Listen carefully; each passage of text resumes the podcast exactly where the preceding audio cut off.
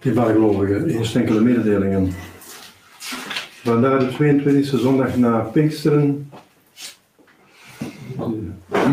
Het is de zondag van de missies. Eigenlijk zijn onze eigen landen nu missiegebieden geworden. Moeten we blijven voorbidden. Maandag, morgen dus, de Dode Week met de gedachtenis van de heilige Chrysantius en Darius martelaren. Dinsdag Dode Week, gedachtenis van de heilige Avaristus, Paus en martelaar. Woensdag Dode Week. Donderdag heilige Simon en Judas, apostelen, maar dan dus de heilige Judas Thaddeus, en niet de andere Judas Iscariot, maar Judas Thaddeus. Apostelen. Er waren twee eh, apostelen die Judas heten, de goede en de slechte. Vrijdag door de week. Zaterdag van onze lieve vrouw. En komende zondag, de 23e zondag na Pinksteren, is het tegelijkertijd het feest van onze Heer Jezus Christus Koning. Het feest van Christus Koning. Let op, de dag erop, maandag, is het de 1 november, dus alle heiligen. Dat een verboden feestdag is. Een verboden feestdag, zoals een zon, donderdag moet men dus ook die maandag, uh, dus naar de mis gaan. En dus geen slaaflijke arbeid verrichten. Dus dat zijn de zondagsplichten die gelden ook voor de geboden feestdagen, zoals u weet.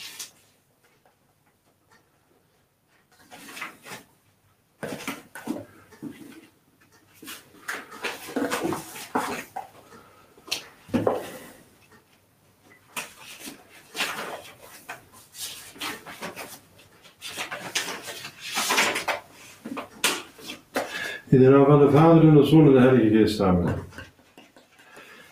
Dierbare gelovigen, onze Heer Jezus Christus, die wordt hier in een valstrik gelokt.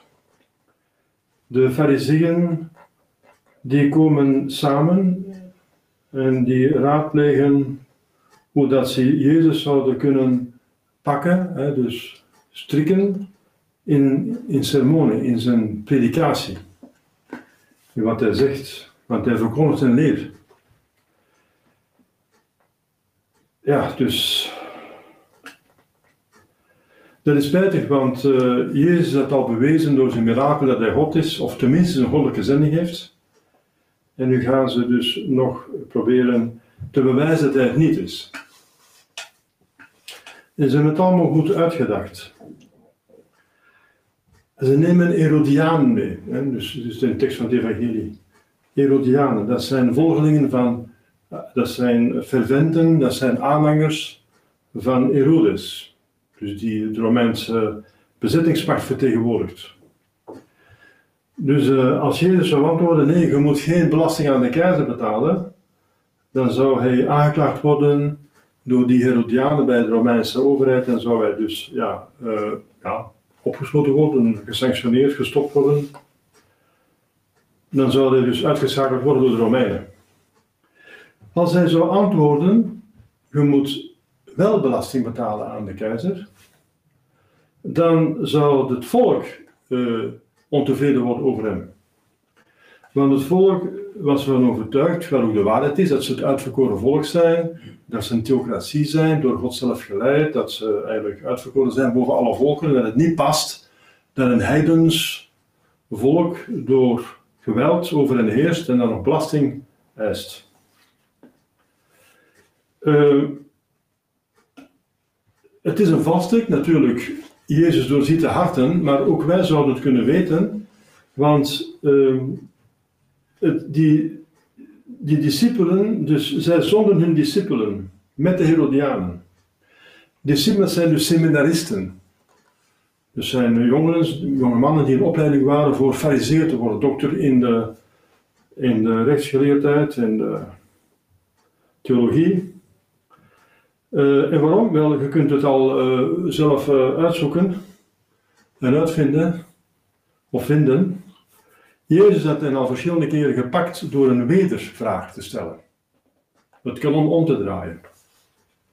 He, dus wat denkt jij ervan? Jullie zijn toch eigenlijk de officiële dokters in Israël. Jullie zijn de officiële professoren in theologie en moraaltheologie. Waarom, als jullie uh, het niet weten, wie kan het dan wel weten? Natuurlijk wist hij het ook wel, want hij is God en hoe beter dan zij, maar zij aanvaarden hem juist niet als God. En waarom stellen ze dan die vraag? Dus hij had kunnen zeggen, wat denken jullie ervan? En dan moesten zij antwoorden, je moet ja of nee belasting betalen. en dan zaten zij in de problemen. Dus om dat te omzeilen zijn ze seminaristen. Die zijn niet verondersteld van alles te weten. Dan kan Jezus niet zeggen, wat denkt jij ervan? Oh, ik weet het niet, we, we staan op zover niet. Dus dat is helemaal goed uitgekend. Ze, ze, komen dus zelf niet, ze zijn dan dus discipulos, hun discipelen, dus hun, leerlingen, hun studenten, met Herodianen. Dus de valstrik en het volk staat erom. Dus de valstrik was heel goed opgesteld, perfect. Dus, eh, dat dachten ze toch. Maar ze hadden beter moeten weten, God uh, kan mij nooit strikken.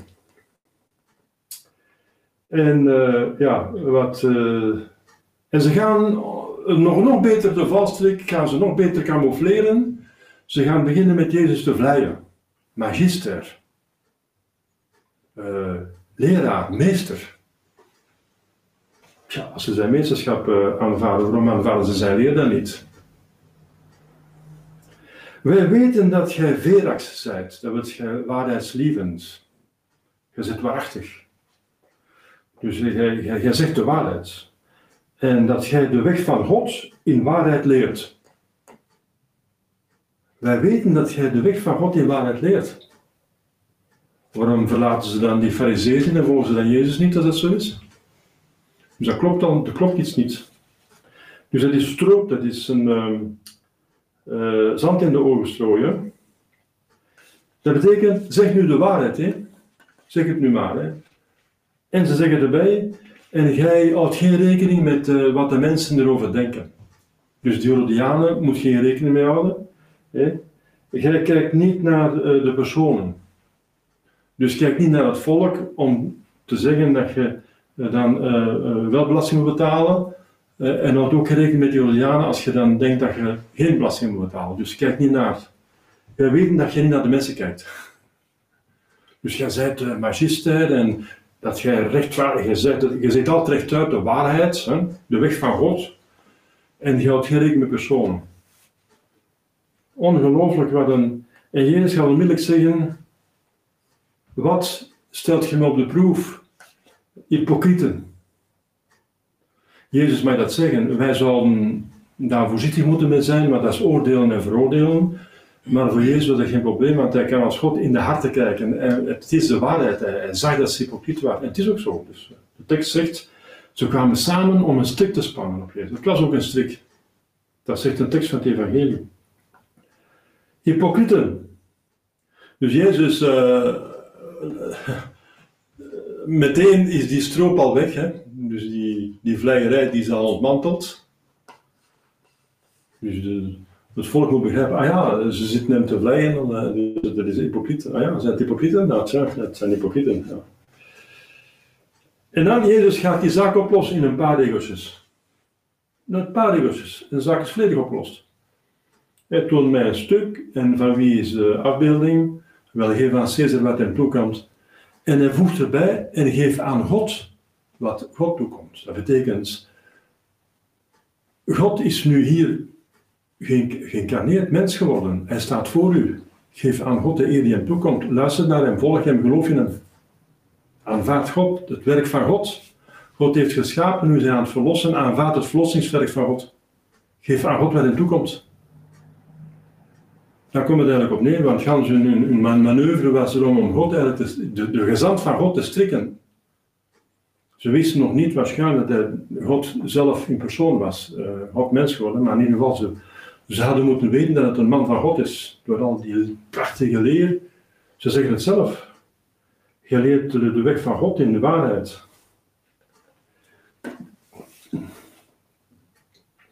Dus het maakt ons tegelijkertijd bedroefd zo te zien hoe dat die uh, fariseeën in hun slechtheid zitten te kronkelen en te konkelen.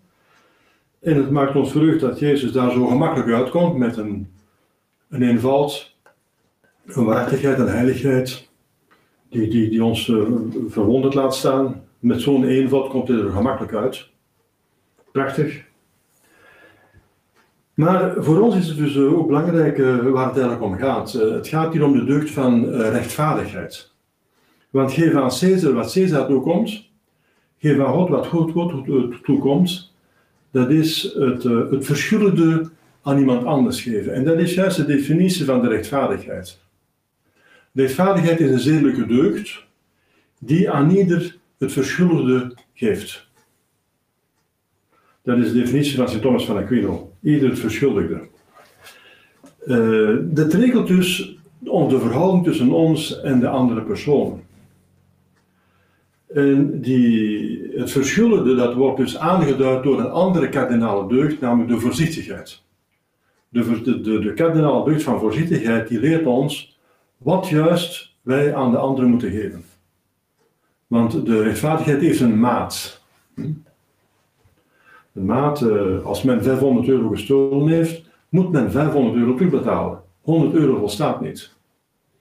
Dus de maat van de, van de rechtvaardigheid is gelijkheid. Daarmee wordt ook door een balans uitgebeeld, de rechtvaardigheid. Justitia, dus een gerechtsgebouw, een balans, dat wil zeggen, zoveel kwaad dat je gedaan hebt, moet je dan herstellen. Het omgekeerde is ook waar, zoveel goed je gedaan hebt, zo wordt je beloond. Aan de rechtvaardigheid geeft iedereen wat hem toekomt. Dus wat, wie goed gedaan heeft, wordt beloond. Dus God is het belonen van het goede en de straffer van het kwade, zoals u weet. Want God is rechtvaardigheid. Dus gelijkheid, de balans. Dus er is een bepaalde maat.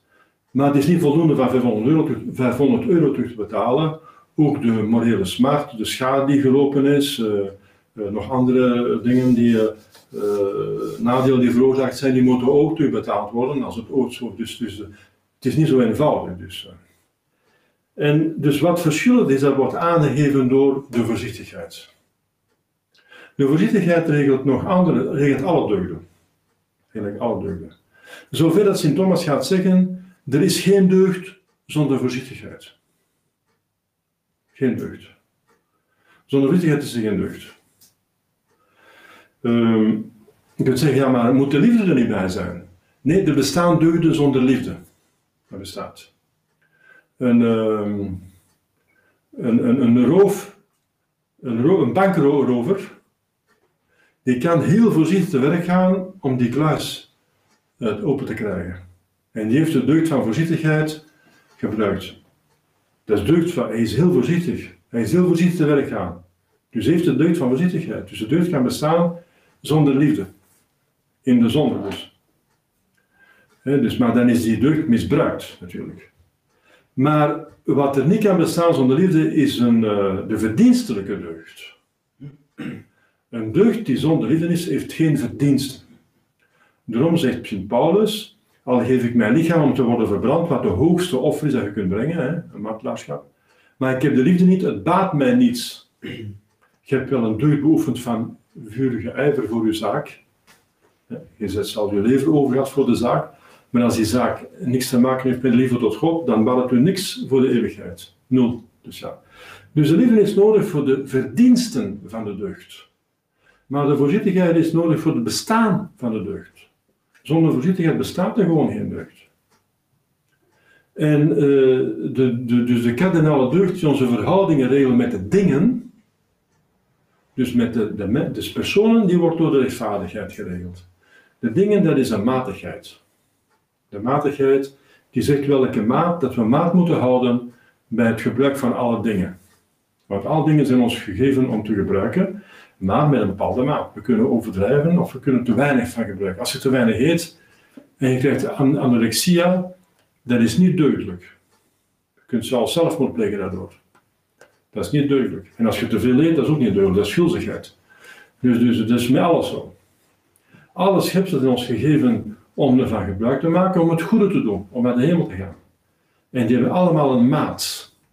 En de matigheid doet ons die maat houden. Maar wat is die maat? Die maat wordt weer gegeven door de, door de, door de voorzichtigheid. Weet je?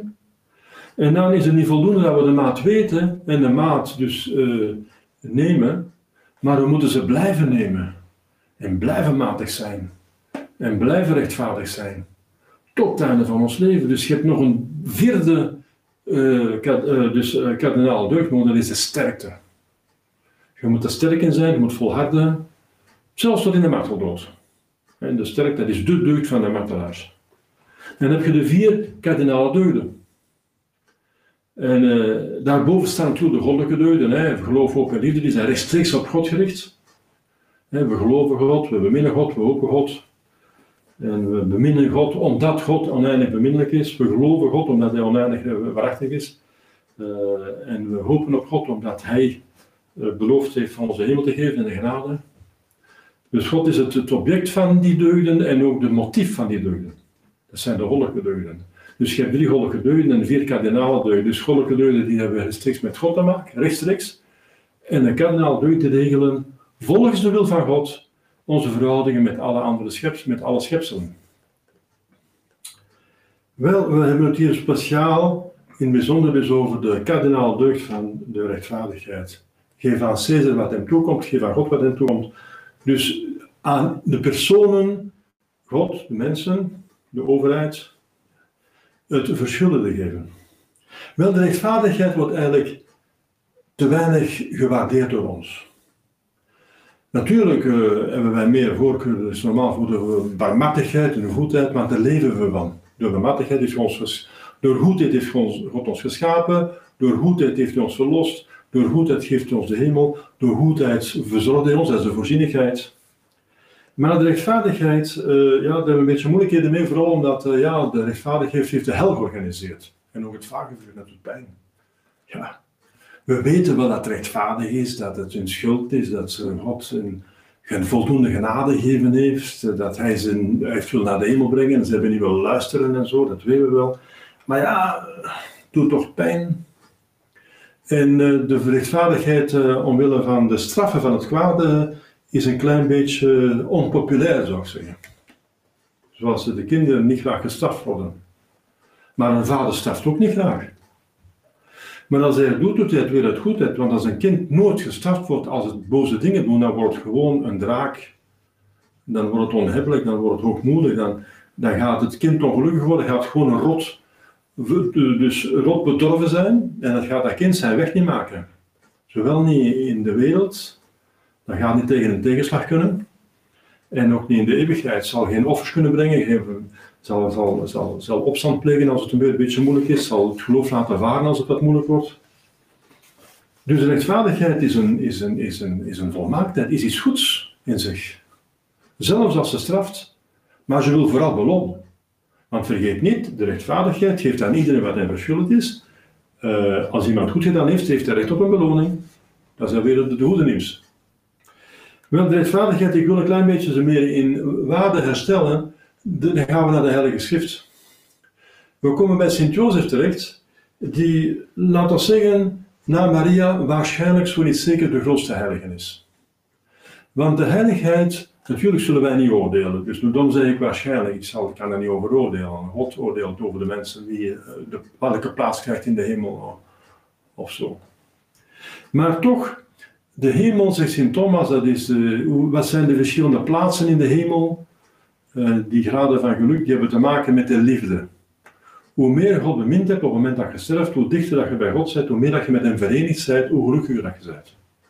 Dus de, de, de liefde dus bepaalt de proximiteit met God, de nabijheid, de vereniging met God, het geluk. Wel, er is een ander principe dat zegt, wat voor paarden doet, zo zal uw hemel zijn. Want de glorie, dus de hemel, is het gevolg, de ontplooiing van de genade. Op aarde, hebben we genade leven, we leven van de genade, waar we wel, het leven van Jozef op aarde was buitengewoon dicht bij God. Proximiteit, liefde. Jezus, hij was de voedselvader van Jezus. Hij was na Maria degene die dichtste bij God heeft geleefd. Heel zijn leven lang, het grootste deel van zijn leven, tot aan zijn dood. Hij is gestorven in de armen van Jezus en Maria. Hij heeft dus een buitengewone relatie gehad, een, een, een onuitsprekelijke liefdesrelatie, tederheid tussen een goede vader en een buitengewoon goed kind, een goddelijk kind. Dan kun je niet inschatten wat die eh, Gods zoon mens geworden, die Jozef vader noemt. Want Maria zegt, uw vader en ik hebben hem nu gezocht. Uh, want ze hebben drie dagen naar hem gezocht en Maria gaat zeggen, uw vader en ik hebben naar u gezocht, uw vader, uw vader. Hij was de legale vader. Jezus noemde hem vader, want hij was de legale, de wettelijke vader. Jezus was geboren in zijn huwelijk van de vrouw van Jozef. Want de, de, de verloving was toen al, stond gelijk met een huwelijk bij de, voor de Joden. Wel, uh, er wordt dus gezegd vir Justus. Jozef erat vir Justus. Hij was een rechtvaardig man. Dat is de enigste eloge, de enigste uh, lofprijzing die positief, die rechtstreekse positieve uh, ja, uh, eer die aan Jozef wordt gegeven. Erat vir Justus. Meer wordt er niet gezegd. Hij was een rechtvaardig man. Maar als we dan gaan kijken op Sint-Jozef, en we gaan een beetje erover nadenken en mediteren, dan komen we terecht bij een allerhoogste heiligheid die er bestaat na Maria en Jezus zelf. Hij is niet alleen de vader van Jezus, hij heeft een buitengewone tedere liefde gehad met Jezus. De kindje Jezus die in zijn armen heeft vooral die uh, dag, dag en nacht mee geleefd heeft uh, gedurende bijna 30 jaar. Maar hij was ook de bruidegom van Maria. In het huwelijke verenigd, niet alleen de lichamen, in het geval van Jozef en Maria. Uh, Jozef en Maria was er zelfs geen ge, dus gebruik van de huwelijksrechten uit, uit, uit en ze dat dus laten vallen. Uh, maar het huwelijk is dus voor hen vooral een, een, een, vereniging van zielen geweest. En dat is voor ieder huwelijk zo, dat ze niet alleen het lichaam, maar voor de zielen verenigt. En de, de vereniging natuurlijk bukt de liefde uit. De liefde is vereniging en die liefde, die, liefde die, is zo, zo, die gaat zo, zo ver mogelijk in het huwelijk. En uh, liefde betekent communicatie van goederen, van goede dingen. Wel, Maria heeft dus uit liefde, en die doet ze, dus dat doet ze perfect, want zij, was een volmaakte vrouw, buitengewoon. Zij heeft dus op een vaakte wijze die vriendschap beoefend, dat huwelijk beoefend, dat huwelijk beleefd met Sint-Jozef. Dus zij heeft al wat ze kon aan goede dingen aan Jozef medegedeeld. Zoveel mogelijk de genade en de deugden en de, in de gaaf van de Heilige Geest jezelf had doorgegeven aan Sint-Jozef. Door die eenheid van. Sint Paulus spreekt erover. Als een man christen is, en de vrouw niet, bijvoorbeeld er zijn twee heidenen en de man bekeert zich en de vrouw niet. Ah ja, zegt Paulus, als die vrouw zich niet verzet tegen het christen zijn van de man, moet je bij elkaar blijven. En is best best dat je bij elkaar blijft, want het is toch wel een huwelijk, een, een natuurlijk huwelijk, maar het is toch een huwelijk. Het is een Adams en Eva huwelijk, het is geen sacrament van huwelijk, want daarvoor moet je beide gedoopt zijn, maar het is toch een huwelijk. En zegt hij, de vrouw wordt geheiligd in de man. Door de eenheid van het huwelijk gaat die heiligheid van die man over in die vrouw. Dus die profiteert van de genade van de gebeden eh, van de man die christen is geworden. En omgekeerd. Het is alleen als een vrouw zich uh, eh, of, of de, de, heidense partij, als dat een man is, als een vrouw die bekeert is en een man die, op, eh, die, die protesteert, die wil niet, die, die aanvaardt niet het christelijk leven van de andere partij, ja, dan, dan, mag, dan is het toegestemd om een christin te huwen. Dat is een van de grote uitzonderingen. dat de huwelijk dus onbreekbaar is, dat is een uitzondering. Dat is de, dat is de Paulinische voorrecht, zie dat. Dat staat in de brief van Sint Paulus. Dus dat men dan een, ja, met een christen mag trouwen. Omdat die eerste huwelijk is een, is een, is een heidenshuwelijk, dus het is geen sacramenteel huwelijk. En dat huwelijk moet blijven als het de godsdienst mogelijk is, maar als die andere partij de godsdienst onmogelijk maakt, dan mag men, uh, dan mag de keer het huwelijk verbreken, dat is een uitzondering, en dan gaat men een christin, of als een, uh, een vrouw is met een christen trouwen. Dus uh, je ziet dat dus de, de, het huwelijk een, een buitengewone communicatie is van, van goederen en van geestelijke goederen. Want het, het huwelijk is, eh, het echte huwelijk, het christelijk huwelijk, is een sacrament. Een middel om naar de hemel te gaan. Een middel van genade. Dus communiceert uh, goederen. En in het Oude Testament was het al zo, dat het, uh, want het Joodse huwelijk was nog iets speciaal. Dat was geen heidens huwelijk, dat was ook nog geen christelijk huwelijk, maar dat was een, een Oud-testamentisch huwelijk dat reeds genade had uh, als sacramentali. Een soort zegening dat op voorhand reeds genade kreeg, op voorhand op de, de passie van onze Heer Jezus Christus, die alle genade bekomen heeft. Dus als iemand in het Oude Testament heilig werd, er zijn heiligen geweest in het Oude Testament, hè, zo, zoals de heilige Jeremias, Isaias en zo, uh, Mozes en zo. Wel, dan hadden die, die, genade van de heiligheid ontvangen, ook van Jezus, maar op voorhand. Een voorafbetaling bij wijze van spreken. Vooraf, alles komt van Jezus. En Maria's onbevlekt ontvangen is, hè, dus dat ze geboren was onbevlekt, dat was ook voordat Jezus uh, de, de, de, genade bekomen heeft, dat wel dat is ook van Jezus. Die, die genade komt ook van Jezus die aan zijn kruis zal verdienen, maar op voorhand. Dus uh, de, dat huwelijk van Sint-Jozef met Maria, moet, dat is onvoorstelbaar wat een genade en gave Sint-Jozef gekregen heeft. Onvoorstelbaar. Want de engelen gaan zeggen van Maria, que es ista? Wie is zij? Omdat ze meer genade heeft en meer gaven dan zij, want zij is boven de engelen verheven. Zij participeert meer aan God dan de engelen. En omdat God oneindig verheven is en onbegrijpelijk is, zullen ze ook Maria niet begrijpen, in zover ze boven haar hen verheven is. Dus dat buitengewoon vergoddelijk te wezen. Maria, dat is vertrouwd, die, dat wezen is getrouwd, die vrouw is getrouwd met Sint-Jozef en die gaat zoveel mogelijk van haar genade aan Sint-Jozef meedelen. Dan kunnen ze zich inbeelden wat een genade er in Jozef ook zijn neergedaald wat voor een heiligheid Sint-Jozef ook had. En de Heilige Schrift zegt dan, Erat Justus, drie woordjes. Hij was een rechtvaardig man. Ja, dan begint je toch meer respect te krijgen voor de deugd van rechtvaardigheid. Want rechtvaardigheid betekent dus eigenlijk in dit geval heiligheid. En de heiligheid is het grootste wat we kunnen hebben. Door de heiligheid hebben we alles. Geluk op aarde en het eeuwig geluk in de hemel. Dan bereiken we onze bestemming. Vir justus. Dus de, de, voorzichtigheid geeft aan ieder wat hem toekomt. In dit geval vooral aan God wat God toekomt. Wel, als wij aan God geven wat hem toekomt, dan zijn we heilig. Want dan geven we alles aan hem wat we bezitten, ons ziel en ons lichaam. Alles behoort hem toe. Al, wij bezitten niks. Wij, als wij het bezitten, dan is dat maar gewoon geleend door God aan ons. En we moeten het, we het toch achterlaten als we sterven. Dus we bezitten het niet echt.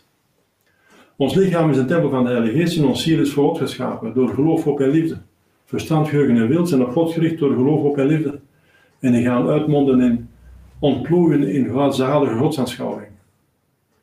Dus de, de, de, rechtvaardigheid die aan God geeft, wat hem toekomt, zo'n Dei Deo, dat heel korte zinnetje van Jezus, dat is buitengewoon rijk. Geef aan God wat God toekomt. ja, als je dat doet, zet je heilig zoals Sint-Jozef, de Justus.